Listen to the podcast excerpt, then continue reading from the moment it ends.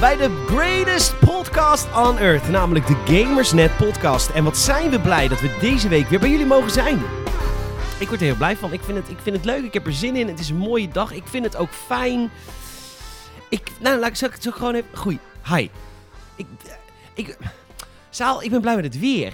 Je bent blij met het weer? Ik krijg energie van dit weer. Ja, Het zonnetje is- is er. Het is een zonnetje, maar het is ook koud. Maar als het koud is, is het gelijk zo lekker fris. Ja, zo schoon, snap je? Ja, ja. Het Ik, is- ik voel, me- helemaal nu. Ja, ik vind het ook nu heerlijk om even een wandelingetje te maken. Ik oh, Same. heerlijk. Even in de benen. Jij bent ook niet, wat ik altijd heb met, eh, met, eh, met eh, zomertijd, of eigenlijk die soort nazomertijd, zodat het dan te, de, te, te koud is om, om met een shirt naar buiten te gaan. Dus dan trek je toch een jas aan.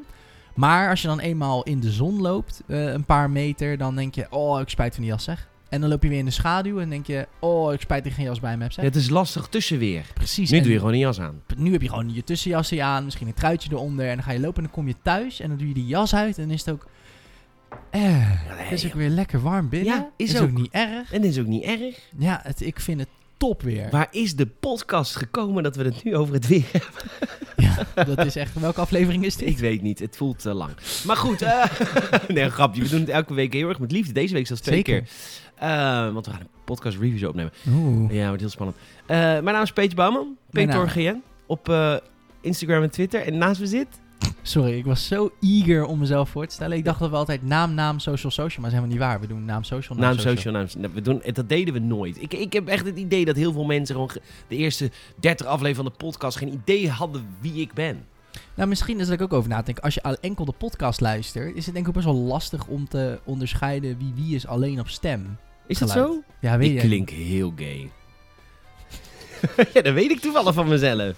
Nou, ik vind niet dat jij extreem gay klinkt. Oké. Maar oké, maar wij Hi, lijken... hi, bonsai, wie ben jij?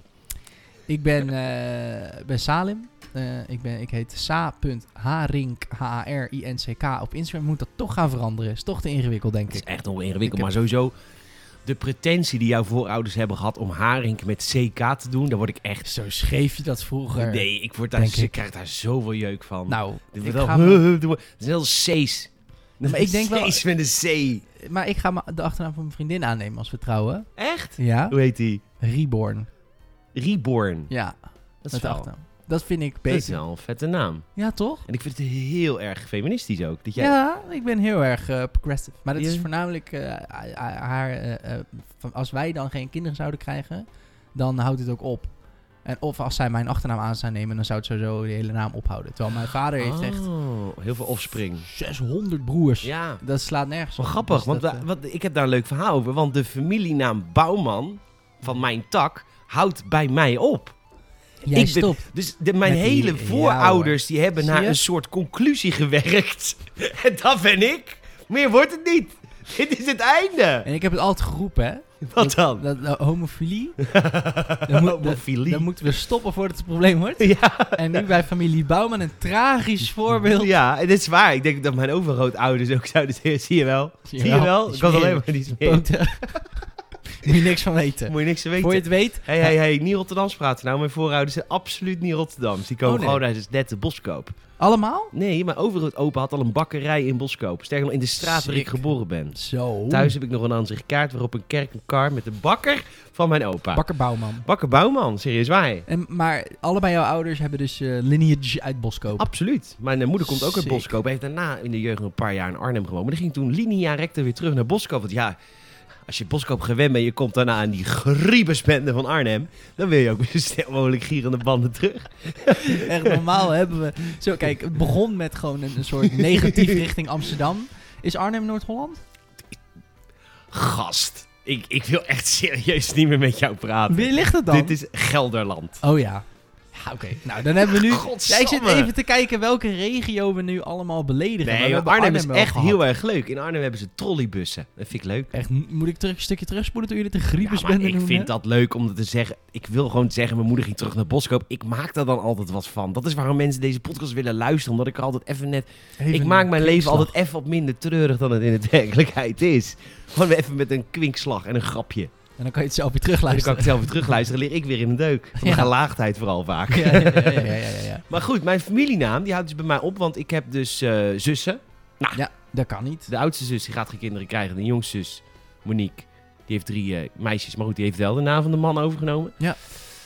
En mijn... an- Dan hebben ze er nog drie kansen. Het zijn twee nichtjes en nog één neefje. Mijn neefje gaat ook geen kinderen krijgen, want die is eh, verstandelijk beperkt. Dus die, ja... Maar je nichtjes kunnen, want die zijn Nee, maar nu... die hebben ze niet gedaan. Die zijn ook al... eh, Oh, tuurlijk. Maar oh, de, de dochters van je zus, die hebben natuurlijk al de naam van hun ja, vader. precies. Dus bij mij houdt de Oh. bouwman... Mijn lineage houdt gewoon op. Echt hoor. Elke dag jouw overgrootopa eh om, om, om half vijf de wekker naar zijn bakkerijtje lopen. Met het idee, ik ga iets neerzetten hier in Boskoop. De naam Bouwman zal nooit en te nimmer vergeten worden in het mooie Boskoop. Nee. Dus fast forward, een paar progressieve linkse jaren in dit land verder. En alles mag ineens. Ja hoor. Schrikkelijk. Ik wil ook wel even wat zeggen over de lineage van mijn vader in Bosco. Want zijn va mijn vader leeft niet meer, maar zijn bedrijf is natuurlijk ook failliet gegaan. Hij had een bedrijf samen met zijn broer, de twee bouwmannetjes. Nice. Bedrijf helemaal naar de grond gericht. Dus ik denk ook niet dat zijn vader daar heel trots op was die dat bedrijf had opgestart. Laten Ah. we zo zeggen, de bouwmannen hebben nogal talent om van iets heel moois iets heel erg kapot te maken. Waar doe je op? ja, op mezelf. Ik heb, ik heb een spiegel ook voor. Nee, maar ik... eh, Wat leuk. Dit, dit is nieuw hè, in de podcast. We beginnen nu de eerste 10 minuten. Die kan je gewoon ja, doorspoelen in principe. Dat doen we natuurlijk elke week. Nou, het wordt wel een beetje... Het is niet... Het is ongepland. Maar eerder dat we een keer over games gaan beginnen. Dat gebeurt steeds later. ja, Ja, maar ik krijg steeds meer reacties van mensen hoe leuk ze de podcast vinden. ja, het is Dus iets, ik iets doe- persoonlijker, denk ik. Oh, Want als kunnen ook het nieuws voorlezen. Maar dan dus... dat deden we vroeger bij Gamers het Radio. Toen gingen we echt, hadden we een nieuwssegmentje, gingen we het nieuws voorlezen. En toen, wilden we, toen zijn we daarmee gestopt. Ja, Ik ja. vind het dit beter. ja, je hebt gewoon hoogtepunten. Bepaalde nieuwsdingen. Nou, moet ook zeggen, weet je, hoe, weet je waardoor dit ook komt? Kijk, Nou. Tom en ik zijn al heel lang vrienden. Dus als Ja. Tom er is, had ik dat al. Maar jij en ik, gezien, wij zijn ook vrienden. Maar we zien elkaar nu steeds vaker. Dus we hebben ook steeds meer tegen elkaar te vertellen. Ja, we hebben het is echt een soort we- week, wekelijks eh, recap momentje. Hoe is het nu met? Hoe is het nu met? Leeft hij nog? Helaas wel. Hardly ever, ja. Eh, wat heb je gegamed? Wat heb ik gegamed? Ik heb eh, natuurlijk eh, Call of Duty, zo moet je het zeggen. Eh, heel veel mensen zeggen Call of Duty of iets. Nee, het is in Nederland gewoon zoals een 30 30-jarige witte man het zou zeggen. Call of Duty Modern Warfare. Modern Warfare. Modern Warfare. En niet Modern Warfare 1 of 2, 3. nee, Modern Warfare. De nieuwe Modern Warfare. Die heb ik gespeeld. En eh, ja, dat is natuurlijk gewoon een topspel. Jij hebt hem ook gespeeld. Ja, ik wil even, ik wil het even, ik ga gelijk even een, eh, het is een soort kapstokje waar ik even iets aan hang. Mooi. We hebben afgelopen weekend hebben we de game 12 uur lang achter elkaar gestreamd op twitch.tv slash gamersnet. Volg het even, we streamen wel vaker. Wel een hele leuke Mm. catch. Ik mocht namelijk alleen maar survival voedsel eten, dus sprinkhanen en eh, wat is kipragoed toch tyfusgoor trouwens. Dat Ja, vind ik zo smerig. Een soort gestolde kippersoep is ja, het is, ja, het is erg ranzig. Maar goed, en oploskoffie en dat shit. En was een superleuke stream. Maar wat me alle... Wat? Nee, weer dat jij zo ongelooflijk doet alsof oploskoffie echt, zeg maar, voor jou is het echt gewoon sprinkhaan. Ik hou mijn hand nu hoog. Eh, ragout. En nu hou ik mijn hand op de grond. Oploskoffie. Ja, ik had er ook met Jelmer over. Hij zegt, jij bent eigenlijk zo'n verwende dreut. Je Ja, bent zo'n verwende dreut. Want mensen drinken gewoon oploskoffie. Ik zeg, nee joh. Dat doen mensen toch niet? doe ze toch niet vrijwillig? Nee, dat doe je toch? Nee, maar dat doen mensen die geen koffie drinken. Geen koffiezetapparaat in huis hebben. En dan toch iets willen aanbieden voor de koffiedrinkers die hun, bij hun op bezoek komen. Ah. Niet wetende dat ze eigenlijk de gal spuwen op hun bezoek. Want ze hadden net zo niks kennen kopen. Liever nog. Liever dan thee. Nou, ik vind thee ook heerlijk. Ja, ik vind thee ook hartstikke lekker. Nee, Maar maar, ik- het, is, eh, het is gewoon echt heel ranzig. Maar ik, ik snap ook niet mensen. Denk, als, je, als je luistert en je drinkt echt oploskoffie, zeg maar voor... oh, Je bent, laat het zo zeggen. Als jij nu luistert en je bent een fanatieke koffiedrinker... en je Mhm. hebt alleen oploskoffie in huis... Het spijt me. Echt. Haal een, op zijn minst een zeeootje en ervaar al een verschil. Ja. Maar dat- ik kan niet in mensen portemonnee kijken. Hè? Misschien eh, Ja, dat is het voor die zo. mensen... is de Nou, podcast hun enige... De- de- to- to- toevallig een paar vrienden van mij, eh, toen zij voor het eerst uit huis gingen, toen eh, moesten ze natuurlijk allemaal spullen kopen. Maar ja, eh, starters, dus niet eh tering veel budget om alles in één keer te kopen. Mhm. Eh, toen was het serieus bij hun thuis op een gegeven moment de vraag, en daar had ik nog nooit over nagedacht, gaan wij eerst een koffiezetautomaat kopen of gaan wij eerst een televisie kopen? Die vraag had ik nog nooit over Nee, nagedacht in mijn hele leven Ja, je hebt ook wel verwende vrienden dan hoor. Hè? Want Nou, die we- kopen dan een dure koffiezetapparaat. Nou, ja, oké, maar meer Dat het, het levensbehoefte. Ja. Nou ja, als er, wat jij zegt, als mensen dan op bezoek komen, ja, wat bied je dan aan? Ja, oploskoffie, maar ja, dat... Ja, ja, oké. Ja, dat zijn dan ook wel een beetje van de dreuten blijkbaar. Ja, dat zijn een beetje verwende dreuten. Uit Boskoop misschien. Nee, Ook. ook. nee, Heenvliet. Heef, hè? Ja, Waar ligt dat? Spijkenisse. Spijkenisse, B. gewoon deze hier. Gewoon deze regio. Deze hier. Nou ja, oké. nou, Goed, terug naar games. Want we hebben dus even ja. een uitstapje gemaakt naar koffie. Sorry daarvoor. Ehm, maar we, we gingen dus dat eh, streamen. En toen, en toen kwam ik dus onder... Had ik dus de revelation dat de game is crossplay. En ik wil even erbij stilstaan Hmm. wat voor een impact dat op mijn leven heeft. Ja, maar echt. Maak het misschien te groot. Maar wat voor impact Oh. dat op mij had. Want het deed echt iets met me. Laat ik, nee, ja, sorry. Ja, je Ja, moest je er te lachen. toch? Nee, Je moest moest ook- niet. Gast, ik huil. Jij was helemaal, je werd helemaal eh, geëmotioneerd ook van. Je, je waffel. Ik, ik vond het echt heel bijzonder dat ik eh, had Salem in de party. Want we gingen dan naar Discord. Jij, jij, jij- wat, hoe deed je de Discord? Ehm, ik, nou, eh, ik, ik, ik, dat kan nog niet op Xbox volgens mij. Oh. Ehm, maar ehm, eh, ik heb het toen ik heb het op mijn telefoon opgestart. En ehm, ik heb via mijn AirPods, of weet ik veel wat, elke wireless headphone had gekund. Maar ik gebruikte Welke bedraad kan ook hoor, mensen. Apple AirPods gebruikte ik. En eh, nee, de, de, mo- nou, het boeit hem niet. Maar in ieder geval, eh, daar belde ik mee met jullie. En eh, op, de, op de Xbox dat of ging veel soepeler dan ik dacht. Maar het mooie is ook dat crossplay is standaard enabled.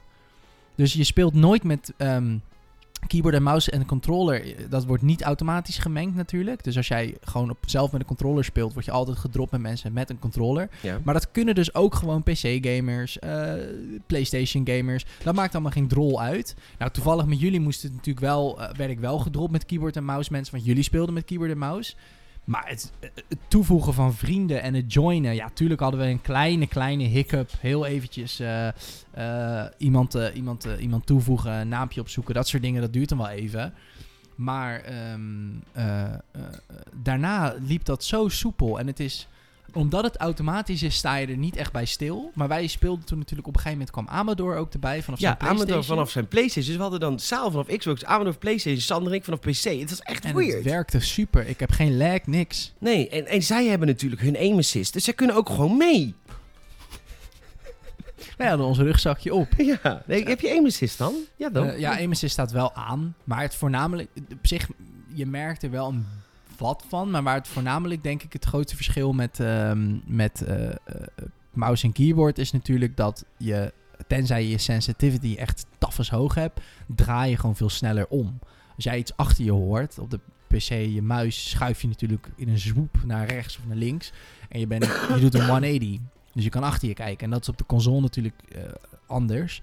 Maar ik moet heel eerlijk zeggen dat het me meeviel. Het is niet dat ik het idee had dat ik echt helemaal van de kaart geveegd werd. Omdat een ander sneller kon, eh, kon acclimatiseren wat dat betreft. Nee, je, was, je deed best goed. Ik deed Soms. het eh, soms. Op, momenten. Op momenten. Maar eh, dat was niet leuk bedoeld. Ehm, hoe heet het? Het, het? Het is heel bijzonder. We kunnen dus nu gamen, games spelen vanaf PC met mensen op console en console crossplay. Ik vind het echt heel tof. Ja. En eh, even bij stil te staan. Ehm, Call of Duty, ehm, je hebt de singleplayer inmiddels gespeeld. Ja. Hoe ervan? Het is controverse. Er is heel veel controverse. Ja, ook eh, op, de, op de site eh, korte discussies, eh, of paar discussies, vriendelijke discussies met verschillende, verschillende bezoekers, vaste bezoekers ook. Dat was heel leuk om te zien. Maar in ieder geval, als je het artikel niet hebt gelezen, Patrick heeft er een heel... Ja, hij omschrijft dat eigenlijk exact zoals ik het ook voelde. Is dat er gewoon bepaalde momenten van realisme in, in, de, in de campaign zitten. Nou, hij doelde specifiek op een easter egg. Dat als jij een baby neerschiet in de game, dan echt voordat je de effecten van jouw kogel, zodra je de trekker overhaalt, je ziet die baby niet eens doodgaan, je wordt gerespawned, je bent af. Ehm, en dat eh, bracht natuurlijk de eeuwenoude discussie op van, hoe moet dat dan in een game en hoe zit dat dan? En dan heb je natuurlijk een beetje het idee van, ja, moet je die baby dan wel in het spel stoppen als je vervolgens de speler niet de mogelijkheid geeft om die baby aan gort te knallen?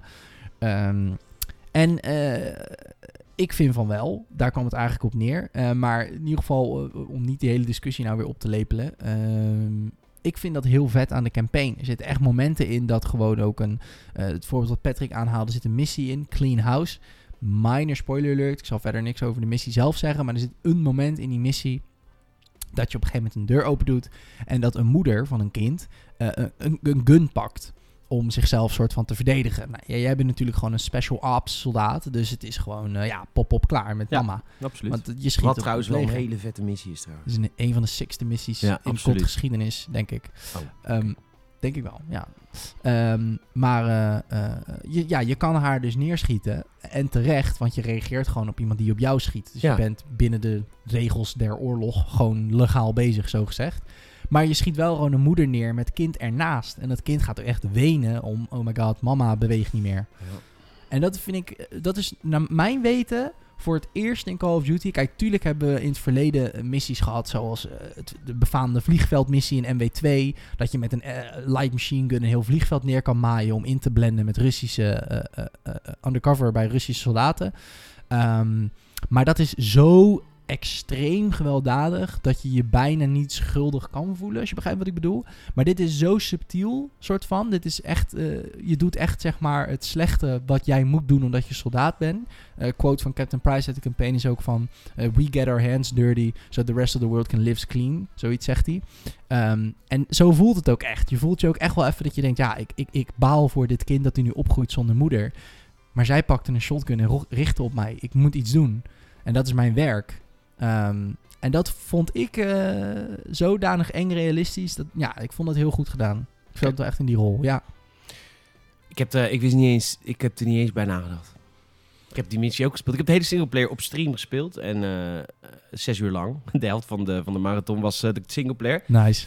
Eh, ja, Jij hebt gewoon eh, guns blazing. Nou ja, nee, ja, ik vond die missie heel erg bijzonder, om, maar puur uit level design. En ik vond, eh, kijk, wat, wat, eh, wat je doet in die missie, het is heel scripted, het is wel echt Call of Duty. Tuurlijk. Dus, eh, maar je gaat kamer voor kamer, ga je het maar clearen. Net als echt in de oude Rainbow Six games, zo voelde het een beetje. Hmm. En omdat het een nieuwe engine is, ziet het er zo ontzettend vet uit. En je voelt Ja. gewoon de spanning elke kamer die je cleart. Dat is eigenlijk wat, voor mij is dat het. En ik vind de, de hele achterliggende gedachte achter een vrouw neerschieten met een gun. Weet je, ik schiet een pixel kapot. Tuurlijk. Ik heb daar Dat niet het gevoel zo. bij. Het is gewoon een game. En ik, wat, Is ik ook vond, zo. eerlijk gezegd vond ik de Londen-missie indrukwekkender. Eh, Dat je, je komt op een gegeven moment in Zeker. Londen midden in een aanslag terecht. Hmm. En, eh, en dat, dat vond ik wat, wat indrukwekkender eh, qua eh, wat, dat, wat met me deed. Maar goed, Dat is ook ik haat tuurlijk. vrouwen ook. Dus. Jij met veel genoegen. Je hebt dat kind, ja, ik doe je een plezier. Ja, echt. nee, is ook zo. Bij jou dat- stopt de naam ook. Sorry. Goed. Nee, maar dat, Ja, heerlijke singleplayer game trouwens. Heerlijke Heerlijke campagne. En multiplayer ook heel vet, maar niet Ja. elke level. Jij vindt niet elke map vet. Nee, jou, jij ook niet. Bedunkt. Jij vindt dat de Engeland level ook heel kut. Ja, die heb ik nu een paar keer gespeeld. En het Piccadilly eh, map, ja. ja, je spant naar mijn weten. Je moet hem even voelen. Op een gegeven moment, ik heb wel... Je spant elke keer in zo'n steegje, is een van de spans. En dan heb je zo'n soort straat met allemaal bussen. En dat vind ik heel, vind ik niet open genoeg. Vind ik wel heel dicht. Ja. En dan kan je heel makkelijk gespawntrapped worden. En ja, als je even goed kijkt, kan je ook via de metrotunnels, of weet ik veel wat het is, via een tunnel ook onderdoor langs. eh, kan je eruit, kan je weg. Maar ah, mm, ik vind hem, dat vind ik de minst toegankelijke map. Maar zoals met heel vaak bij Call of Duty, misschien wel shooters aan zich. En hoe langer je het speelt, hoe beter je een map leert kennen. En hoe beter je ook aanvoelt als ik hier loop. Is de kans heel groot dat ik beschoten word vanaf positie X. En dat doe je bewust slash onbewust. Ga je er toch anders op letten. De eerste keer loop je die map in en dan denk je, ja, ik, loop hier gewoon. En dan word je ineens gepopt van links. En Ja. dan slaat je brein dat toch op als van, oh, daar komen soms enemies vandaan. Ehm, dus ik denk dat het een stukje gewenning is ook. Maar dat vond ik tot dusver de map waar ik het minst eh, direct zoiets had van, hey, dit wil ik leren of zo. Die vond ik nog het lastigst of zo misschien. Ja. Ik, had, eh, ik had met nog een map die ik niet zo leuk vond. Maar verder inderdaad, eh, de multiplayer hartstikke leuk. Was Zeker. echt tof. En ik, eh, ik vond er me ook niet heel slecht in. Ook. Dat vond ik echt... was wel grappig toen eh, op een gegeven moment... Je, je kent als je multiplayer games speelt... dat- Mhm. als, als je ze niet speelt, dan leg ik even uit wat het gevoel is. Je hebt gewoon... Nou, eigenlijk net als in alles, of je nou sport doet of spelletjes of games. Je hebt af en toe gaat het gewoon even slecht. Dan kom je Ja. er ook gewoon even niet uit. Je gaat het even kut. En dat was heel grappig dat we na drie uur had ik zo'n momentje dat het echt even niet lukte. Ik zeg, nou, nu is het moment dat, dat ik de game al... dat er mensen al te lang hebben gespeeld dat ik eigenlijk al niet meer bij kom. Ja, Dat dat is wel te snel. eh, Dat iedereen al te goed is voor me. Heb het moment meegemaakt. Nee, maar goed, daarna ging het allemaal weer, eh, weer wat beter. nice. Goed, Call of Duty hebben we gespeeld. Heb je nog meer gegamed? Eh, ik ben nog steeds even een beetje met, bezig met eh, Red Dead. Red- Redemption. Je hebt in de titel van deze podcast waarschijnlijk al gelezen dat ik die game ook gespeeld heb. Oeh, maar op een hele andere manier. Maar ik, ehm, ehm, ja, die speel ik nu voor de tweede keer opnieuw uit. Dat is af en toe een leuke afwisseling op kot. Gewoon een third-person single-player ervaring. Ook wel snelle actie, maar ja, Red Dead is natuurlijk tragisch dik stront in het rechter wat dat betreft. Ja, In de- absoluut. Daar is de game, zo is de game gedesigned. Precies, dus het snelle, quick, quick and dirty schieten van kot is fijn om af te wisselen met op je paardje. Even het paardje borstelen, even voeden, je wapens checken, je wapentjes schoonmaken. Een volledige touw naar de galmiezen knallen. Eh, zo gaan die dingen Siri af en toe. Snap ik dat ding niet. Ja, nou, mijn Siri ging af. Ja, die luistert oké. natuurlijk ook allemaal mee, hè? Ja, dat is waar. Die ik heb het ook dat uitgezet. Ja, je hebt het, ja, ik weet niet of dat helpt. Volgens mij eh, Nee, dat niet. luisteren ze alsnog. Maar maakt niet uit. Dan gaan hebben we weer we een nieuwe podcastluisteraars. Ja, toch? Hallo Tim, zo. Tim Apple, Tim Cook, heet hij? Tim Apple. Eh, Oké, ik heb... al- Wat heb ik helemaal Wat gegamed? heb jij gespeeld, Wat heb ik jongen? helemaal gegamed? Ja, God hebben we het al gehad. God of the Death Stranding. Oh, Death Stranding. Embargoed. Still can't talk about that. Uh, Luigi Mansion 3 is door de review heen. Ja, ja, ja, ja, ja, gepost. En die heb je ook best wel een hoog cijfer Die heb ik een gegeven, heel toch? hoog cijfer. Die heb ik gewoon een 9.0 gegeven. Zo, man. Dat- Man. Dat, dit is wel een... eh wat het is, even voor de duidelijkheid. Het is een, echt een nieuwe Switch game. Het is geen remade, remake, reskin van Nee, iets, hè. absoluut niet. Het is Luigi Mansion 3. Na Het is een 1 en 2 is dit 3. Brand new experience. Nee, het is, nee, nee, dit is mijn Luigi Mansion. Net als die Ja. Het is, je weet, het is Ghostbusters the game. Je bent Luigi. Sick. Je kunt niet springen. Maar je kunt, het, is, het geen platform game. Je hebt een stofzuiger op je rug. En je gaat Ja. spoken jagen van kamer tot kamer. En in deel 1 deden we dat in een, eh, in een mansion. Mhm. In deel 2 deden we dat in een, verschillende mansions. Mhm. En in deel 3 doen we dat in een hotel met, eh, met heel veel verdiepingen. Hotels zijn altijd creepy. En hotels zijn sowieso creepy. Maar wat zo geniaal is aan Luigi Mansion 3 is de thematisering van de game. Nintendo doet het wel vaker. Die heeft in bijvoorbeeld Super Mario Odyssey hebben ze ook heel erg op thema's gewerkt. Hè. Dan heb je Mhm. echt een wereld die helemaal in het sneeuwthema zit. Eh, en maar in Luigi Mansion hebben ze per hotelverdieping het thema zo van begin tot eind volgepropt in dat thema. En alles voelt zo erg als...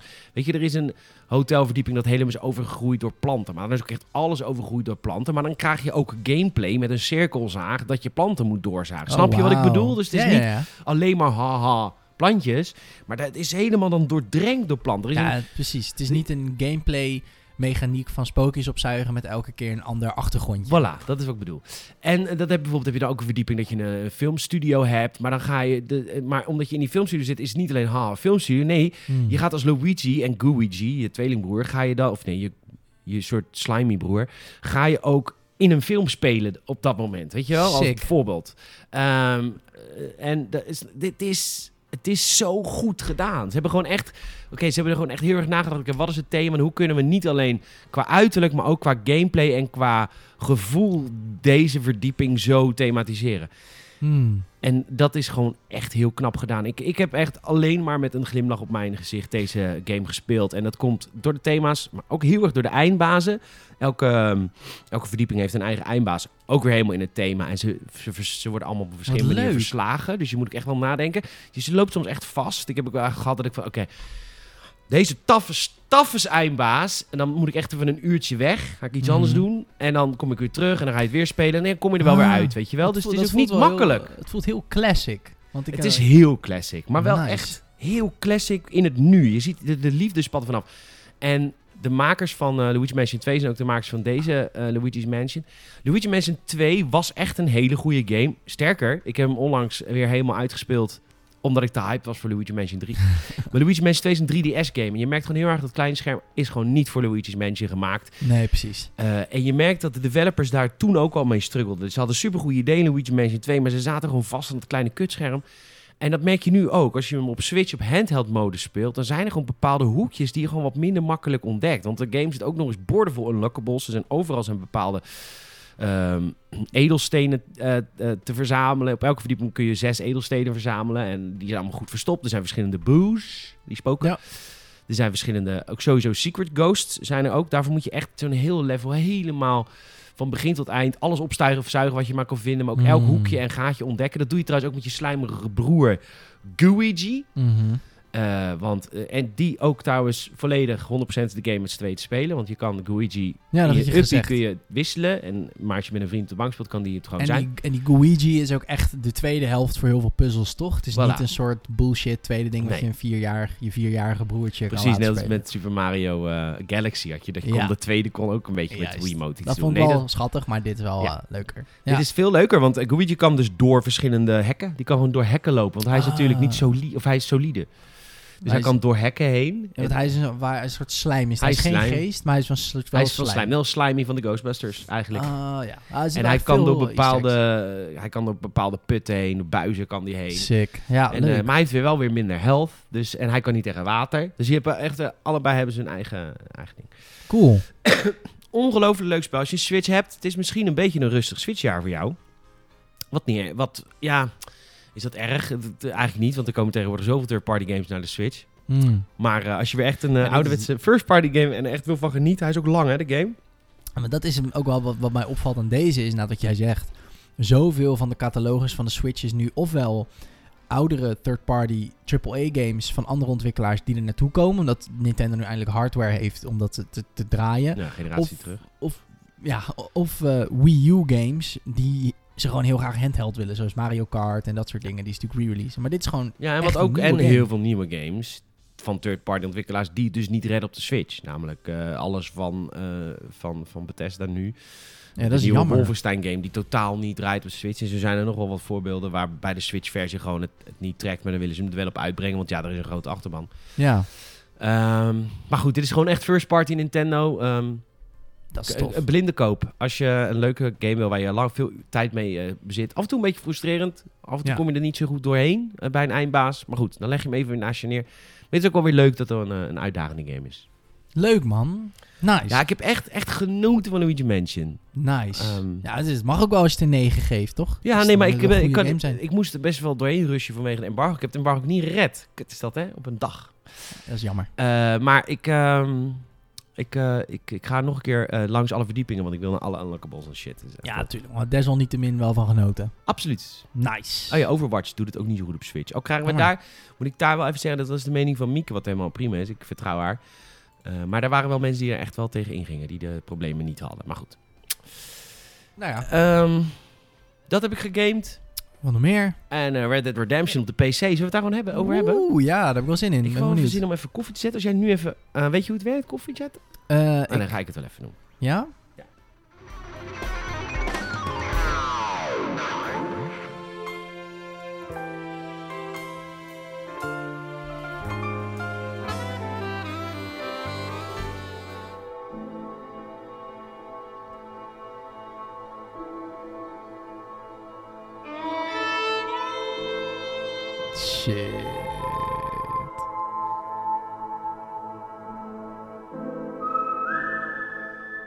Ja, je komt eraan.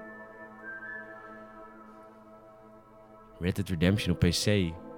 Damn. Ja, ik, ja ik, had, ik, eh, ik had het erover met iemand die, eh, dat ik zei... Ik heb het idee dat dit veel sneller is eh, eh, dan GTA 5. Maar het is ongeveer net zo lang. Een jaar, iets langer. Ja. Ja, dat voelde misschien langer bij GTA 5. Voornamelijk omdat bij GTA 5 we allemaal zoiets hadden van... die komt toch ook naar PC, net als alle andere GTA 5's. Ja, en bij deze, GTA's. ja, precies. En bij deze was het weer een beetje de vraag. Precies, want deel 1 was er natuurlijk ook niet op de personal computer. Dus dit is de allereerste Red Dead Redemption die naar de PC komt. Zullen ze daar nou ook niet gewoon eh eventjes even deel 1 nou ook gewoon even porten? Ja, ik denk dat dat moeilijker is dan ze... Dan, nou, misschien nu niet meer, omdat nu iedereen wel een PC... Ze hoeven het denk ik minder te optimizen, want iedereen heeft nu wel... Zelfs met een basic PC denk ik dat je RDR1 wel lekker kan draaien op een Ja. PC. Dus. Ja, die zouden ze... Want ze zeiden, dan krijg je nu twee retro games erbij. En denk ik, ah, come on guys. Had dan RDR1 erbij gedaan. Die kan je dan... Ja, dat is waar. Dan kan je hem, dan kan je hem Star Warsen. Sorry, we gaan hem... eh, eh, Hij gaat het uitleggen. Eh, je kan natuurlijk 4, 5, 6, 1, 2, 3 doen. Maar als je Red Dead Redemption 1 en 2 op je PC hebt, kan je het ook gewoon 2, 1 doen. Dan kan je het aaneenlopend spelen. Ja, dat zou super vet zijn. Heb je wel een beetje een downgrade in je graphics. Maar ja, boeien. Dat ja, heel voor het patchen wel. Ja, dat, ja, daar heb je toch eh, Make Red Dead Redemption 4K, dat EXE. Dat kan je dan op je PC opstarten. En dan is alles, ook als je gewoon een eh, Intel Pentium laptop Ja, hebt, precies. Gewoon command dubbele punt slash slash. ook op www.downloadrambij.nl. daar kan je meer RAM eh, Ja. je PC downloaden. Is gewoon software update. Ja, nee, Ik, maar eh, dat, eh, dat is sick, toch? Dat Ik- zou dope ja, zijn. dat zou leuk zijn. Maar goed, Red Dead Redemption 2, 5 november, of Red Dead Redemption 2, ja, 5 november, komt hij naar de PC. En ik eh, mocht eh, richting Rockstar togen. Eh, om, eh, om daar de, de game te checken, wat ik natuurlijk wel snap, want, want je weet natuurlijk niet wat ik hier aan specs heb. En daar is, daar want- is daar de specs NASA. Dat hebben ze, ja, ze hebben natuurlijk gewoon de aller, allerbeste computer eh, ooit daar neergezet. Ja, ze hebben daar een personal computer neergezet die zijn. Wurga, Wurga niet kent. Dus nee, we zijn de game gaan spelen. En Je, je wordt in de game gedropt. we- het stukje Valentijn, net voor de missie waar je de, de, het gevecht hebt in de kroeg. Ja. De eerste gevecht. Ja, waar je leert vechten eigenlijk. Ja, Ja, het raam wordt geflikkerd. Zat ik in het in net, net voor dat stukje werd ik in de game gedropt. En ik heb gewoon, eh, ik heb gewoon even stilgestaan. Ik heb gewoon tuurlijk. even gekeken. Nou, niet even. Ik wilde gewoon niet beginnen met gamen. Want ik kreeg zoveel vragen. Van, kijk daar eens heen, kijk daar eens heen. Wat kan dat, kan dat, kan dat? En het ziet er... Weet je, graaf, graphics uitleggen is een beetje lastig. Mhm. Want eh, het, het, Red Dead Redemption 2 is al heel mooi. Weet je, als je Ja. in Red Dead Redemption 2 gewoon in, in, in de modder stapt, dan, sta, dan staat daar je voetstap al. En als er een, een paard rijdt, dan, dan laat hij dat Kogels in de modder ook. kogels in de modder, alles. Maar op de PC is het, is het, is het dat met een, een, een, know, een glans van realisme, maar ook hoe mooi het licht valt. En Mhm. hoe, Mhm. hoe ik het idee heb dat het mooi weer is. Dat je denkt van, ja, maar oké, maar nu is het echt mooi weer. Want Ja. overal waar zon is, zie je de zon weer kaatsen op de plekken waar die moet weer kaatsen. Ja, het over, En- dus overstijgt een beetje dat uncanny, zeg maar. I know. Het, onder, Oh. ja, het overstijgt echt de Uncanny eh, Valley. En sick. het is... ehm, weet je, ik zal het gewoon uitleggen aan de hand van het volgende. En dat is... Ik, er zit een fotomodus in Red Dead Redemption eh, 2 voor de PC. Nice. En die fotomodus die zorgt ervoor dat je op elke willekeurige moment in de game de game kunt pauzeren en de fotomodus aan kunt zetten. En wat er vervolgens kan, is dat je als een soort van drone 20 meter om Arthur Morgan heen kunt. Shit. De lucht in. eh, en als je naast een case zou ik naar mee. En 20 meter omheen. En dat betekent dus dat ik dus alleen maar bezig was met vette momenten capturen. En Natuurlijk. kijken hoe de physics werken. Want eh, de grap is dus, de Red Dead Redemption 2 is gemaakt door taffers veel acteurs en veel programmeurs. Hmm. Maar ik wil vooral even een dikke hulde en shout-out geven naar de mensen die die engine hebben gemaakt. Ja, dat Euphoria. Want die engine, die, die zorgt ervoor dat alles wat die andere getalenteerde mensen hebben gedaan... ook echt daadwerkelijk kan op de manier waarop het is gebeurd. En dat merk je heel erg in de fotomodus. Want in de fotomodus zie je gewicht. Weet je, als ik... Ik zag op een gegeven moment zet ik op een pauze... omdat ik een konijntje zag lopen. Dus ik zet hem op pauze, ik doe de fotomodus aan... en ik ga naar dat konijntje toe. En je ziet het konijntje zoals je nog nooit een konijntje in het echt hebt gezien. Nee. Ik bedoel, ik, je, je ziet wel eens een foto. Dit is echt iets wat je nog nooit hebt gezien in het leven. Je ziet wel eens een foto van een konijntje. En Mhm. je ziet wel eens een no- natuurfilm van een konijntje dat rent. Maar nu zie je dus voor het eerst in je leven een konijntje in actie. En je kunt er omheen draaien. Ja. Snap je wat ik bedoel? Ja. Het is zo, op een gegeven moment gingen we door het water heen. En ze gingen er wat hertjes voor ons uit het water in. Hup, op pauze. Om een hert heen. En je ziet hoe de knieën van het hert het water naar voren stuwen. Belachelijk. Dat is, dat is, dat is enginewerk. Dat is, dat is zo Ja. knap gedaan. Je ziet de ogen van het hetje met angst. Het is... Dat is sick. En nu komen we bij een beetje de lugubere gedeelte van, eh, van mijn fetish... die ik eh, heb ontdekt tijdens het spelen van Het de PC. Konijntjes naar hertjes naar. Mensen kapot schieten. en op het meest... Ja, want ik wilde dat wel eens weten. Want als je Red Dead Redemption 2 speelt... dan heb je het idee dat als je iemand neerschiet... volgens mij is dit best wel een heftige manier dat mensen doodgaan...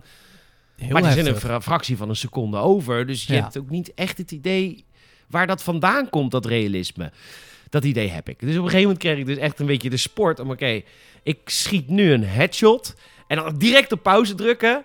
En dan de fotomodus ja, ja. aan. En dan kijken hoe zo'n lichaam reageert. En dan blijkt het dus ook echt dat als je iemand in zijn oog schiet, het oog weg is. En er een gat zit. Tuurlijk. Ja. En dat de. Maar het gaat nog verder. De striation, de spetters van het bloed. Dat dat echt in, de, in het gewicht van hoe die guy aan het vallen is naar achter gaat. Ja, pusht echt. Maar ook het impactpunt waar je iemand hebt geraakt, is, zit een soort van klein pofje. Mhm. En ook waar de kogel... De kogel heeft ook een soort eh, trajectory. En, eh, je Ja. kan de kogel ook zien, hoe, wat de, de route van de kogel. Dus ook als je De lijn. de lijn. Ook als je de eerste keer misschoot, wat eigenlijk bijna niet kan, want aim assist. Maar ook als je de eerste keer misschoot, dan zie je ook die eerste kogel kun je nog even gaan zoeken. Van waar zit die eerste kogel? En Ja. eh, er reed een trein langs. En we stopten de, toen ik net iemand had neergeschoten, we gingen die treinmachinist bekijken. Die kijkt dan ook naar waar de shit is gebeurd. ja, die reageert daarop. Ja, Ja, en dat is iets, denk ik, wat ehm, Rockstar op dit moment heel uniek maakt. Eh, eh, en dat is inderdaad dat, dat eh, graphics zijn natuurlijk ja, afhankelijk van de game, maar wel vaak heel belangrijk natuurlijk. Hè? De manier waarop. En soms is dat realistisch, soms is dat koddig. Dat ligt heel erg aan de game. Maar één ding in mijn, in, in, in, my humble opinion, ehm, is, is physics in een game. En dat maakt als het ware als er een game alleen grafisch mooi is, dan voelt het vaak als een. ehm, eh, als je dan rustig door de wereld loopt, dan is dat allemaal oké. maar zodra er dan actie komt en je ziet ineens dat als een auto gaat rijden, dat dat niet echt lekker voelt. Dan die, hele façade van het mooie graphics, dat valt dan eigenlijk als een soort van. alsof het een mooi schilderij is waar je niks mee kan doen. Maar het is een game, je gaat erin bewegen, je gaat erin schieten. En dat doet, naar mijn mening, Rockstar aan maar zeker in Red Dead Redemption 2, zo fucking goed. Omdat, wat jij zegt, als je iemand neerschiet, je gun, het, het, het voelt zo gewichtig. Hoe Arthur Morgan een pistool vasthoudt. Als een echte gangster houdt hij dat ding vast. En hoe die de haan naar achter trekt. Dat soort kleine dingetjes voelen zo echt of zo. Is overigens mijn grootste kritiek wat ik altijd heb gehad, gehad op Uncharted. Ik, ik, ik begrijp dat Uncharted een filmische ervaring is. Ik begrijp dat het Mhm. vet is. En ik vond Uncharted 4 de leukste game. En dat heeft te maken met... Pas in Uncharted 4 heb je het idee dat jouw wapen gewicht heeft. Juist. En in Uncharted 1, 2 en 3... Het, het, het schiet lekker, maar het voelt niet alsof... En sorry als je fan bent van de franchise. Ik snap dat je fan bent, want het vertelt vette verhalen. Alleen, ik had nooit het idee dat ik echt, echt een schietgame aan het doen was... waar een soort van gewicht aan zat. Weet je, het was altijd gewoon een echt. beetje pieuw-pieuw. Ja, een beetje, dan wordt het een beetje laser Maar ik zeg niet dat alleen Rockstar kan. Rock- de Rockstar kan Nee, het beste. Maar er zijn natuurlijk ook wel andere eh, sh- eh, shooters en open wereld games... waar, waar, waar kogel impact wel. Maar ik vond het bij. Uncharted allemaal een beetje te licht of zo. Ja, wat je, een heel goed voorbeeld daarvan, ehm, waar je bijvoorbeeld kan zien, bijvoorbeeld zo'n game als Call of Duty, ehm, is heel erg gebouwd op de multiplayer. Eh, waar zie je dat aan? Even niks te minnen van de singleplayer dit jaar, want daar hebben ze echt wel meer aandacht aan besteed dan de voorgaande jaren eh, van Call of Duty. Maar waar je het heel erg aan kan zien is jij een tegenstander schiet, op een tegenstander schiet in de, in de, eh, in de singleplayer, waar je hem ook raakt, zijn reacties zijn een soort pre- op, zeg maar, vooropgenomen mocap reacties.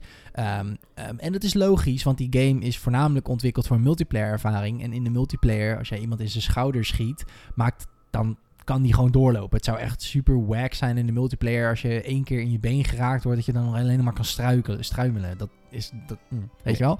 Daar, daar kan je dat heel erg goed aan zien dat Red Dead Redemption 2 echt zo'n singleplayer game is. Omdat er echt, echt heel goed is nagedacht over hoe je eh, eh, eh, hoe je op NPC's kan schieten. En echt op hele sadistische wijze iemand gewoon echt in zijn voetjes kan schieten. En hem dan gewoon echt kan zien doodbloeden de woestijn in. Dat ja, dat ja, noem me een sadist, maar dat is zo fucking sick. Dat is fucking sick. Ik, ik heb straks zin om mensen op vast te binden en op een spoor te leggen. En precies op het moment dat de trein de persoon raakt, hem op pauze te zetten. En te kijken, nee, maar puur uit een, uit een, uit een, eh, psychisch eh, standpunt. Ja. En puur uit het anatomisch. eh, weet je, dat Oh, ik ja. ook wat van. Snap je wat ik bedoel? Ja, ja. En de liefde De voor liefde voor- gameontwikkeling. Dat is wat je precies toch? Heeft niks verder te maken met. eh, Oh, maar op een gegeven moment stond er ook iemand op een toren. Ik denk, ach, schiet hem even naar beneden. En even kijken hoe die valt, weet je wel. Bam, dan ga je er naartoe. En, bizar. Het is ook raar dat we nu al 10 minuten over een fotomodus praten. Buiten het feit dat je bij die fotomodus ook nog eh, allerlei filters kan gebruiken. Je kunt, eh, de, de, je kunt de, de blurriness instellen. Eh, Maar ook, ook, alleen al uit jouw verhaal, wat jij nu zegt. Als jij het had, als, als het om een game had gegaan die puur alleen grafisch mooi is. En daar hield het op. Dan had jij de fotomodus misschien drie minuten gebruikt aan het begin om te kijken hoe het eruit ziet. En dan was je gaan spelen. Maar nu gebruik jij de fotomodus in diverse spelsituaties. Omdat de gameplay ook daadwerkelijk effect heeft op jouw foto. Omdat alles gewicht heeft. En omdat alles hun eigen physics heeft. En omdat er ragdoll is. Dan wil je weten als je iemand neerschiet hoe die persoon erop reageert. Omdat alles soort van connected is. En nou, dat, dat is eh, denk ik op dit moment de enige game die dat echt zo goed weergeeft. Is Red Dead. Eenden. Op een gegeven moment zag ik een paar eenden wegvliegen. Ik denk, zet hem op pauze. Dan ga ik dus naar de eend toe. Maar elke eend is echt gewoon... Ik ben sowieso zelf groot fan van eenden. Ik vind Ja? eenden heel tof. Ja, het schijnt zo te zijn dat eenden... hè, Als een vrouwtje wordt gezien door een mannetjes eend... die wordt echt helemaal kapot gemaakt. Qua seksuele... Dat is hij Ja, sadistische... eenden zijn heel vaag eh, qua seks. Ja, We hebben ook geen, geen eh, morele grens daarin, hè? Wist je nee. dat? In lijken, mannetje, mannetje, dat maakt allemaal niet uit. Nee. Voor, het grappig ook lijken en mannetje, mannetje. In één... Nou, het is helemaal overgroot opa zijn. Voor trots op je zijn. Maar... eh geëngageerd, hè? Kom weer terug. Maar... eh, ehm, hoe heet het? Eh, dus die eenden ook. Vier eenden naast elkaar. En, en gewoon een mannetjes eend en een vrouwtjes eend. En een Ja. beetje ertussendoor. Ik, ja, het is... Oh my god. Ja, ze is heel sick. Het is een beetje see it to believe it. Ik eh, ben heel Dat hyped om het een keer te zien. Ehm, we gaan... eh, wat heb je nodig? Een, Ja, wat eh, moet er allemaal in je PC zitten om dat... eh, nou, minimaal een GeForce GTX 770 of een... dat eh, kan nog, dat kan nog. Dat kan nog wel. Aanbevolen is GTX 1060. Sick. Ja, maar dat is... de- Memory 12 gig even over. Dat is recommended, hè? Maar het verschil tussen minimum en recommended laat ook wel zien hoe erg je kan customizen, denk ik. Want Dat is in- 150 gig de download. Sick, dat is wel echt insane. Maar dat is wel echt een dingetje wat je ook wel ziet. Want ehm was een GTA 5 ook, had je wel, dat vond ik ook wel chill. Dat je, het is wel, ze maken het wel toegankelijk. Want jij hebt hem nu natuurlijk op max, max, max, max, max, HDR, 4K, max, Fire High gezien. Ja. Maar als ik zo Dan kijk ga ik natuurlijk niet op mijn PC zien. Alleen ik weet wel gewoon dat, ik, dat dit wel weer de reden is voor mij om weer opnieuw te gaan spelen. En ook om eindelijk in Red Dead Online te spelen. Ik, Hmm, oh ja. Ik vind eh, PC toch, daar zit mijn community. Daar zitten mijn vrienden en daar zit, weet je, Discord is zo toegankelijk. En ik vind mijn vriendjes Hmm. op Xbox Live, daar heb ik geen contact mee zoals ik heb op PC. Het is heel makkelijk op PC. Dat, Precies. eh, ook daar qua audio, het is gewoon mooie audio ook gewoon met je microfoon. Weet je, snap ik bedoel? Dus Console- ik- consoles kunnen daar wel een puntje aan zuigen dat ze heel erg eigenwijs, zowel Sony als PlayStation, heel erg zitten op hun eigen party- en chatsystemen. Nou, nu dat COD crossplay is, de een van de meest populaire multiplayer games, is het denk ik ook wel een klein beetje tijd dat we ook gewoon gaan crossplay party chatten, toch? Vind ik eigenlijk wel. Gewoon Eh, ik had dat eigenlijk de eerste stap gevonden. Ja. Maar goed, eh, dus ik ga straks lekker, sowieso met, eh, met Tom ga ik, eh, ga, ga ik de rol ontdekken. Ja, dat is super ik word tof. zo zo'n trader. Super tof. Ja, ik moet even kijken. Misschien dat ik hem ook. eh, ik zit naar die specs te kijken. Ik denk dat mijn PC hem op eh, ultra low 480p eh, met 30 5, 24 frames cinematic experience Ubisoft gewoon kan draaien. Dus dat moet helemaal goed komen. Ja, helemaal prima. Nou, hartstikke leuk zaal. Dus dat was de PC-versie van, van Red Dead Redemption. Preview volgt. Nice. Of staat nu online. Ligt eraan of ik tijd heb. Als je dit luistert, Op is het moment embargo, opname. eh, Goed, Nice. ehm, zullen we naar het volgende onderwerpje gaan? Ja, dat is eh, Battlefield 5 Oh ja, daar wilde jij het over hebben. Pacific War.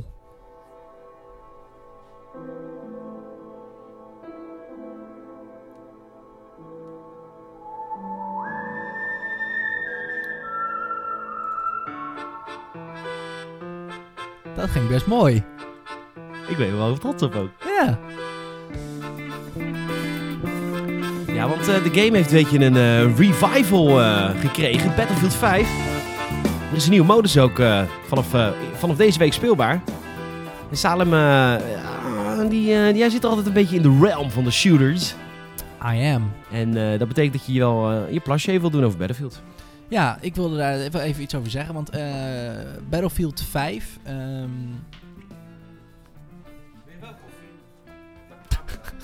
ik had nog een beetje koffie in mijn mok, maar het is een beetje koud geworden.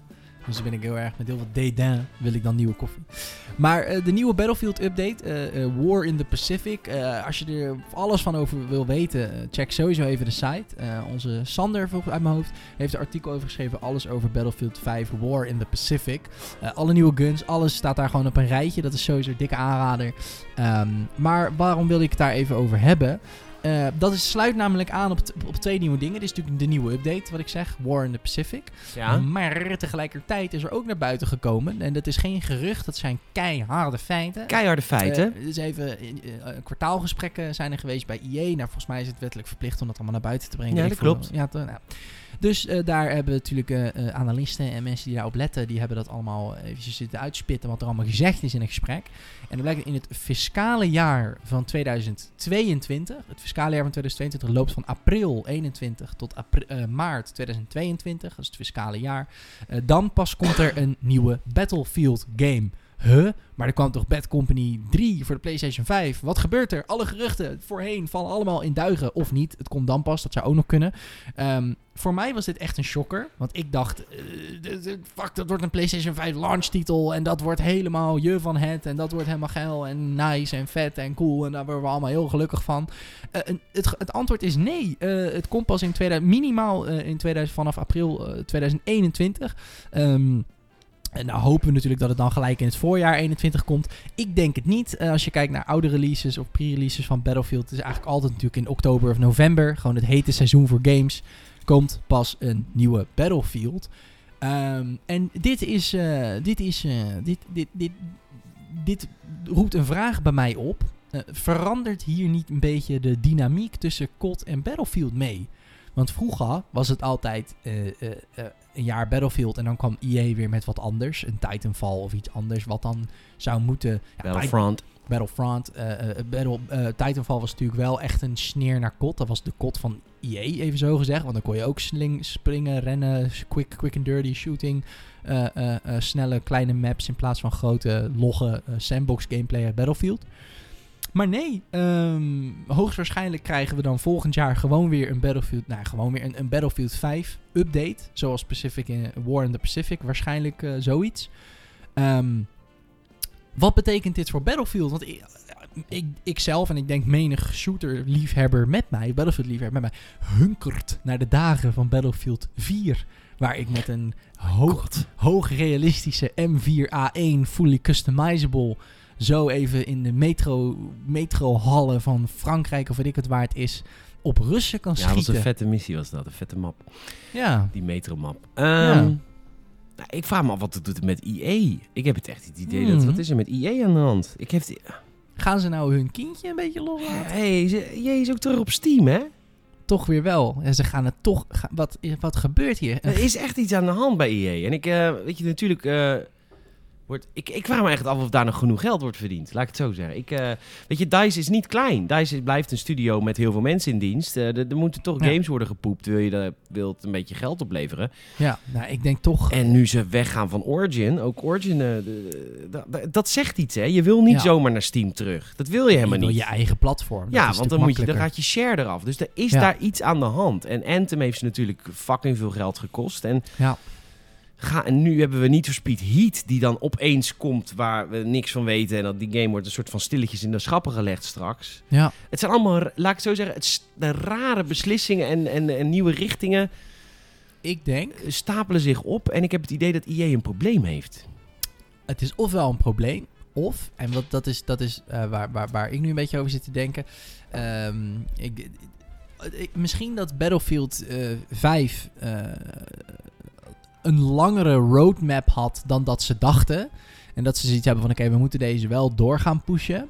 Maar wat het probleem hier aan is, tenminste waar, waar ik als, als ik bij EA zou werken eh, bang voor zou zijn, is Modern Warfare heeft de Ground War modus. En dat lijkt heel erg op, op Battlefield qua, qua concept. Moet ik Mhm. gezegd hebben. Ik heb eh, met, het ook even met Bas over gehad. Basman01, eh bezoeker van de site. En die is echt groot Battlefield fan. Speelt veel Battlefield games. En hij zegt... Ja, het, is, het, is, het lijkt op Battlefield, maar het voelt meer als een grotere domination van Call of Duty. Hij zegt, er zitten wel vehicles in, maar je merkt wel dat ze ook wel een beetje bij hun roots blijven. Want er zijn nog steeds steegjes en straatjes waar tanks Ja, niet in kunnen. Precies, en het is niet En- zo groot als Battlefield. Nee, Maar het is wel waar, toen wij die mode speelden dit weekend tijdens onze stream, wij allemaal wel zoiets hadden van, hey, what the fuck, we zitten we opeens in Battlefield. Dat Ja. voelt wel Spannen bij je zo. squadmates. Het komt, moet ook heel eerlijk zeggen, ja, spannen bij je squadmates en ook eh, die, die A, B, C, pu- ja, weet je het gewoon heel erg Ja. Battlefield. Dat heeft ook te maken met de nieuwe engine van Call of Duty. Dat, daar, Mhm. De game voelt ook, ziet er ook meer uit als Battlefield. Simpelweg vanwege het feit dat eindelijk heeft COD een nieuwe engine sinds eh, Zeker. 1994. Ja. En dat betekent ook dat de game ook nu realistischer uitziet. En Zeker. Battlefield, waar staat Battlefield onbekend? Hoe realistisch het eruit ziet. Ja, ja. Dus eh, ik denk dat dat ook heeft te maken met... Oké, als je dan opeens een map hebt die wat groter is... en je inderdaad bij je teammates kunt spannen... en de game ziet er een beetje realistisch uit, net als Battlefield... ja, dan, dan alignen de games ook wel. ja, 100%. Battlefield is natuurlijk... Ik wil niet op de tenen trappen en ik weet dat Battlefield heeft heel veel haken en ogen. Maar Battlefield is natuurlijk al jarenlang de, de, de meer mooiere shooter van de twee. En een wat Zeker. serieuzere... Het is de realistischere... eh, maar realistisch ook vanwege grafisch. Juist heel 100%. erg. En het, en het sandboxen natuurlijk. En dat heeft COD nu ook. Want COD heeft nu een nieuwe engine. En als ik dus die, die, ja. die, die singleplayer missie waar jij het over had in dat, in dat huis... Hoe heet die ook weer? Eh Clean House. Clean House. Weet je, dat, dan, daar merk je heel erg aan dat we een nieuwe engine hebben van Call of Duty. En ik ben Ja. daar heel erg blij om. Alleen, 100%. Ik, de- ik heb altijd het idee dat als ik iets vind als gamer, bij gamersnet.nl, dat de mainstream het niet vindt. Dus ik hoop zo dat Modern Warfare beloond wordt voor wat ze doen. Beetje, En ik ben zo bang dat ze niet beloond worden. Ik ben zo bang dat Activision over twee maanden weer cijfers naar buiten brengt. Of een persbericht naar buiten brengt. Modern Warfare heeft niet gedaan wat het moest doen. En dat ze weer teruggaan naar, weet ik veel, Black Ops-achtige... Snap je wat ik bedoel? Ja. Zo vaak worden Ik, wij eh, afgestraft, want dan vinden wij iets vet. Maar dan vindt de mainstream het weer niet vet. Snap je wat ik bedoel? ja. Daar ben ik ehm, bang voor. Ik ben niet zeker. Alleen het mooie is dat, ehm, en dat is wat Call of Duty nu hopelijk weer gaat bewijzen. Eh, ik noem het altijd eigenlijk het God of War effect. Omdat eh, de, de remake van God of War, dan stel ik me gewoon voor, die creative director heeft ruzie gemaakt met Sony Studios. Dat kan niet anders. Want dat is zo'n eh, business technisch zo'n fucking groot Ja. risico wat je doet. Ik weet zeker, Activision is naar Infinity Ward gegaan. Die zegt, yo guys, eh, voor 2019 eh nieuw Call of Duty. Beetje Black Ops-achtig, beetje lanes en eh, niet te veel springen. Boots to the ground. In je interviews heel veel boots to the ground zeggen. En even kijken, 600 verschillende weapon skins voor minimaal 4,95 per stuk. Go. En dan is iemand daar opgestaan en gezegd, nee, we gaan het niet doen. We gaan een Modern Warfare maken. Maar geloof ons, met een nieuwe engine kunnen wij een balans maken tussen nostalgie. Dus kunnen we al die oude gebruikers terughalen. eh, en tegelijkertijd eh, kunnen we nieuwe mensen alsnog, of, of mensen die fan zijn van Black Ops 4 en dat soort games, alsnog ook tevreden hebben. Omdat het gewoon lekker arcade wegschiet. Ehm, en vaak is daar gewoon een flop voor nodig. En Black Ops 4 is natuurlijk gewoon ook een flop geweest. Eh, er is gewoon veel haat op gekomen. Het, is gewoon niet, het liep gewoon niet lekker. Eh COD was gewoon heel erg aan het verliezen van Battlefield. Wat dat betreft. En Battlefield 5 heeft ook niet alles goed gedaan. Maar Nee, Battlefield 5 heeft helemaal niet goed gedaan. nee, maar in ieder geval wel. COD met- was aan het verliezen, net als iedereen, van Fortnite en van PUBG. Juist. Nou, dus was het we moeten iets anders gaan doen. We kunnen hun Ja. niet blijven kopiëren. En ik hoop inderdaad dat dit gewerkt heeft. En ik hoop, en, maar het, het mooie Ik ben is... altijd zo bang voor dat het niet zo is. Want ik, ik merk gewoon heel Ja. erg bij gamersnet.nl, echt bij ons kleine, kleine eilandje van hardcore gamers, merk ik hype rond Modern Warfare. Maar dan gaan mijn alarmen altijd al bijna af. Als Ja. hype is bij ons, dan moeten de kids van YouTube het waarschijnlijk heel kut vinden. Mogen de game officieel helemaal niet spelen. Maar ja, dat is ook een belangrijke doelgroep, want die Hm. praten er heel veel over. Eh, dan, moeten, eh, dan moeten de huisvaders het waarschijnlijk te moeilijk vinden. Snap je? COD wordt gespeeld Ja. door papa's, hè? Doordat het een huisvader game. Het is een- Zeker. dus, dus dat, snap wat ik bedoel? Dat als, als wij, wij hebben het in de podcast letterlijk, sinds Gamers het Radio al, in bestaan sinds 2010 doen wij al podcasting. Wij hebben het volgens mij nog nooit zo lang over een Call of Duty game gehad als nu. Is ook zo. Maar ik denk heel eerlijk gezegd, en dat was met God of War ook zo. Ja, maar God is- of War is natuurlijk... Ik snap dat je het voorbeeld noemt, maar dat is natuurlijk wel het Candy Crush voorbeeld. Voor elke Candy Crush zijn er, eh, zijn er 30 andere soortgelijke games Tuurlijk, gefaald. tuurlijk. Nee, dat is ook zo. Maar het gaat mij meer even om dat... ehm, wij hebben het daar vaak ook over gehad, ook buiten de podcast om. Dat je natuurlijk altijd... Je hebt, je hebt, je hebt de, de mainstream gebruiker van een game. En dat is eigenlijk een passant, bijna. Die speelt een Fortnite, maar die is niet eh, loyaal aan Fortnite, zo gezegd. Eh, maar je hebt altijd ook nog je kern. En jij en ik zeiden altijd van je moet je kern niet verwaarlozen. Als je je kern verwaarloost, want dat zijn de mensen die loyaal zijn in de game. Dat zijn eigenlijk de nerds die niet ophouden met praten over de game. Dat zijn die 13-jarige jochies die in 2013 hun spreekbeurt over de nieuwe Modern Warfare hielden. Dat zijn die gasten die het mond tot mond verspreiden. Heb je dat echt gedaan, ja? Eh, Ik niet, maar het, is wel gebeerd. Oké. Eh, en eh triest hè? Ja, En, fucking triest. Maar dat zijn, dat zijn Net zo mensen triest dat we er een podcast over maken. Maar dat zijn de mensen die, die eh, eh, ehm, ehm, eh, die, die, die ervoor zorgen dat de reviewcijfers zo hoog zijn. En dat heeft denk ik wel toch ook Ja, een soort wat, wat boeit review Wat maakt boeit reviewcijfers nou? Dat, dat maakt, dat- ik geloof erin dat als er hype is en als er allemaal tienen vallen... Dat is echt niet zo. nee, dat is zijn- wel zo. Dat is wel, luister dan, er zit zoveel hype om zo'n game. Er zijn superveel mensen nu die misschien wel helemaal niet gewend zijn om kot te spelen en die het al jaren niet hebben opgepikt. Eh, sowieso oude spelers die ermee gestopt zijn toen het allemaal hypey, flashy, jumpy, jumpy werd. Die World War II misschien heel even hebben aangekeken en toen dachten, eh, toch niet echt helemaal wat ik ervan verwacht had.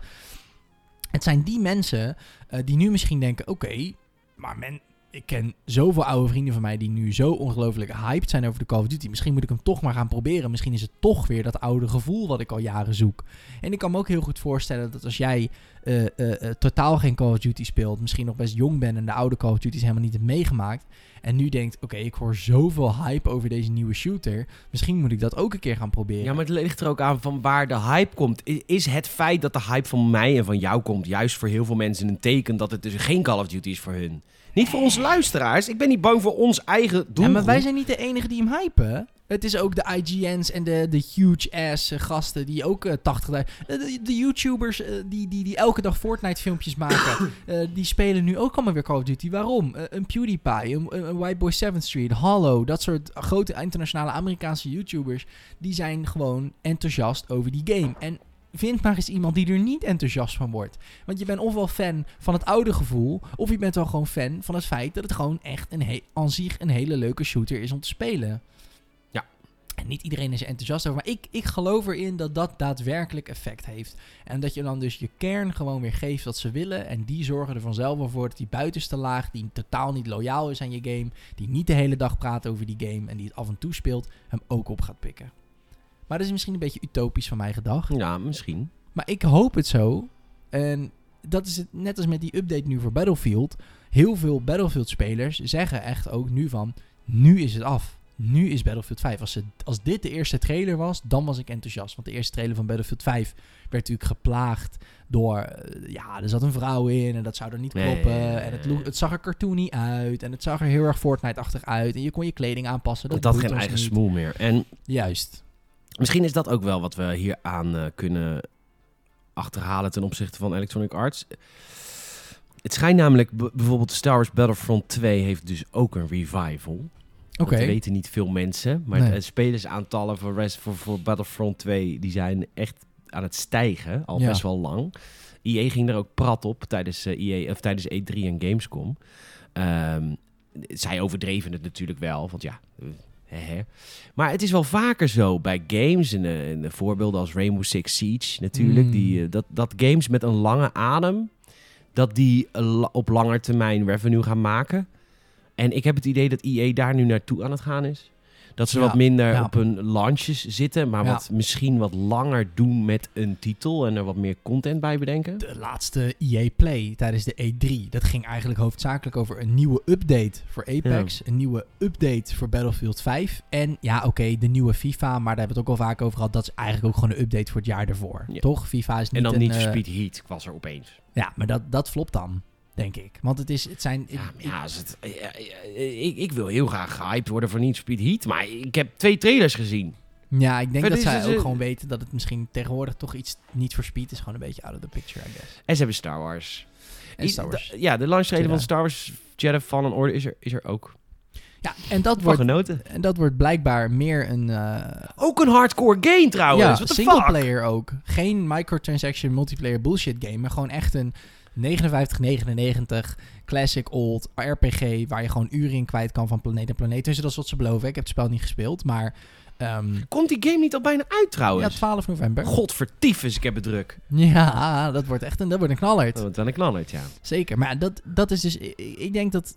En dat is, misschien ben ik nou heel naïef, maar ik heb zo'n gevoel dat, eh, dat, we, dat we het hebben overleefd. Ik denk over tien Dat we jaar. het hebben overleefd, wat hebben we overleefd? Nou, in 2029 zitten jij en ik hier. Nou, we echt honderdduizenden luisteraars. Honderdduizend in een studio met een soort glazen huis. Nee, nee, nee, dat doe ik nooit meer. Al, het blijft gewoon vanaf hier thuis. Oké. Mensen, mensen buiten hier in de straat Ja, ja. juichen. Dat Ja, we- ja, ik uit een limo. We hebben allemaal flessen. eh, jongens, hey. Nee.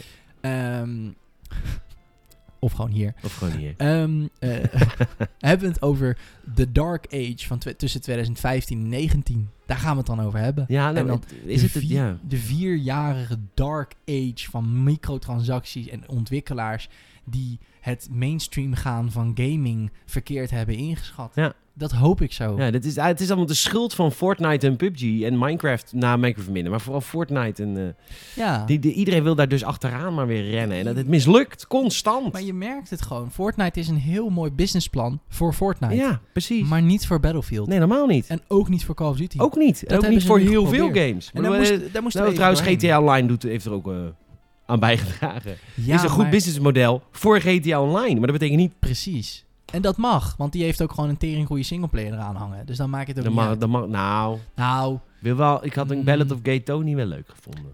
true. Maar in ieder Mm, geval, eh, we- waarschijnlijk te veel eisen, maar had ik leuk gevonden. God of War, Red Dead Redemption 2, deze Call of Duty, eh, deze Battlefield update misschien wel. Eh, dat zijn allemaal games die gewoon, als we nu even met z'n allen dat allemaal gaan kopen, dan is dat, en, en dat gebeurt natuurlijk niet, maar ik, de review scores, die hype, die, die sales, de- dat bewijst gewoon dat, als, dat, niet een, dat een businessplan, dat het niet zo zwart-wit is. Zo van, Nee. oh, het werkt voor Fortnite, dus kan ik het overal opplakken. Maar Nee, je zou toch zeggen niet. dat, waarom komen ze daar nu pas achter? Is het toch zeggen dat, Trial and error. Ja, maar er zijn toch mensen die gestudeerd hebben. Kijk, ik heb niet gestudeerd. Tenminste, ik heb heel lang gestudeerd. Nooit diploma had. Maar eh, nee, ze zeiden, zeiden tegen mij, de zijschool, daar gaan we gewoon de samenleving niet aan doen. Stop maar. Ik ben blij dat de achternaam bij jou ophoudt ook. Kan het. Zelfs dat heeft niet gelukt. Sorry over grootpapa. Ik heb niet eens een diploma. Jij hebt je echt gezocht in die bakkerij, zodat je kinderen een opleiding konden doen. Nou, ik heb er inderdaad heel veel gedaan. Nou, dat is Nooit het afgemaakt. Het heeft heel veel geld gekost.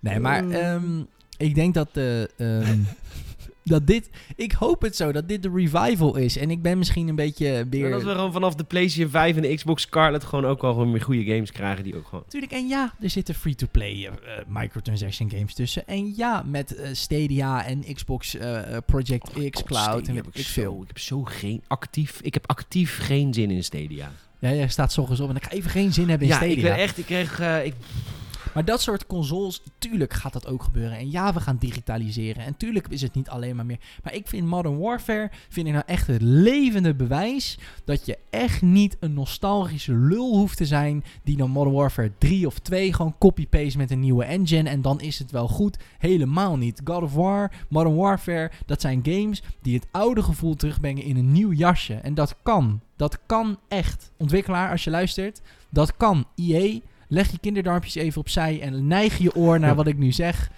Dit kan. Je kan een balans creëren tussen oud en nieuw. En je kan je gewoon, als je goed nadenkt over de why, over de waarom van Call of Duty, waar Call of Duty op gebaseerd is. En dat hebben die fuckers gedaan daar bij Infinity Ward. Die zijn daar gaan zitten. Die hebben daar heel goed over nagedacht. En die hebben iets neergezet wat nieuw voelt, wat verfrissend voelt. Maar tegelijkertijd, als ik Modern Warfare opstart, dan ruik ik in mijn neus gewoon energy en frikandelbroodjes. Dan ruik ik mezelf in 2012, die de hele nacht met zijn vrienden op een crappy HD-ready scherm dit spel speelt en gewoon zuigt. Maar echt zuigt in die game. En alsnog al schreeuwend de plezier uit over Call of Duty.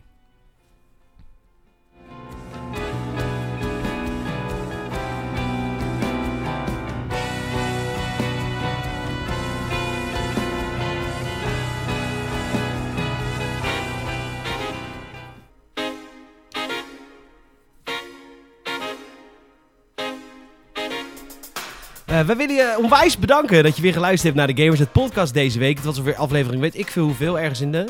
Ik denk eh, 80 al bijna. Oh jezus, al 80 afleveringen zijn we al bezig met de Gamersnet podcast. En dat doen we voor jou, maar we doen het ook heel erg voor onszelf, want we vinden het heel erg leuk om te doen.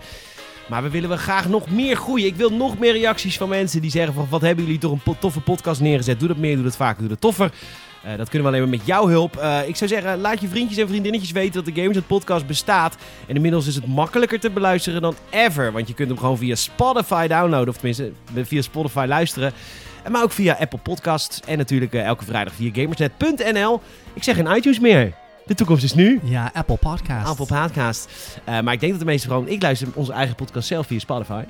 Eh, ik ben sinds kort over op eh, Apple Music, dus ik gebruik ook Apple Podcast. Oké, tof. Ehm, nou ja, goed, ook heel erg leuk dat je deze week hebt geluisterd. En als je je vrienden van Gamersnet overal wil volgen, dan kan dat via alle sociale mediakanalen. Gamersnet heeft namelijk kanalen op Twitter, op Facebook, op Instagram en op YouTube. En natuurlijk elke dag je laatste nieuws via Gamersnet.nl. En ik wil even wat zeggen, want Gamersnet.nl is nu een jaar lang eh, vernieuwd. Sinds, jaar, sinds een jaar hebben we een nieuwe website. Een jaar al, joh. Ja, het is alweer een jaar lang hebben we hem al. En ik kijk elke dag op onze website en ik denk, jezus Peter, we hebben echt de mooiste gaming website van Nederland. En heel eerlijk, over onze oude site zei ik ook altijd, Gamersnet de lelijkste website van Nederland. Ehm, oftewel, ik geef even legitimiteit aan het feit dat ik Ja, ja, Gamersnet ja, ja. nu heel erg mooi vind. Prachtig. Kom ons alsjeblieft af en toe bezoeken. Daar worden wij heel erg blij van. We hebben nu eh, bijvoorbeeld de nieuwste reviews klaarstaan van Super Monkey Ball Banana Blitz HD, Luigi Mansion 3, de nieuwe Plants vs. Zombies, om maar een paar voorbeelden te noemen. Kortom, dit was de Gamers Podcast. Dankjewel Salem. Dankjewel, Peter. En ik spreek jou volgende week weer of eerder bij de review podcast van eh The Outer Worlds. Komt snel.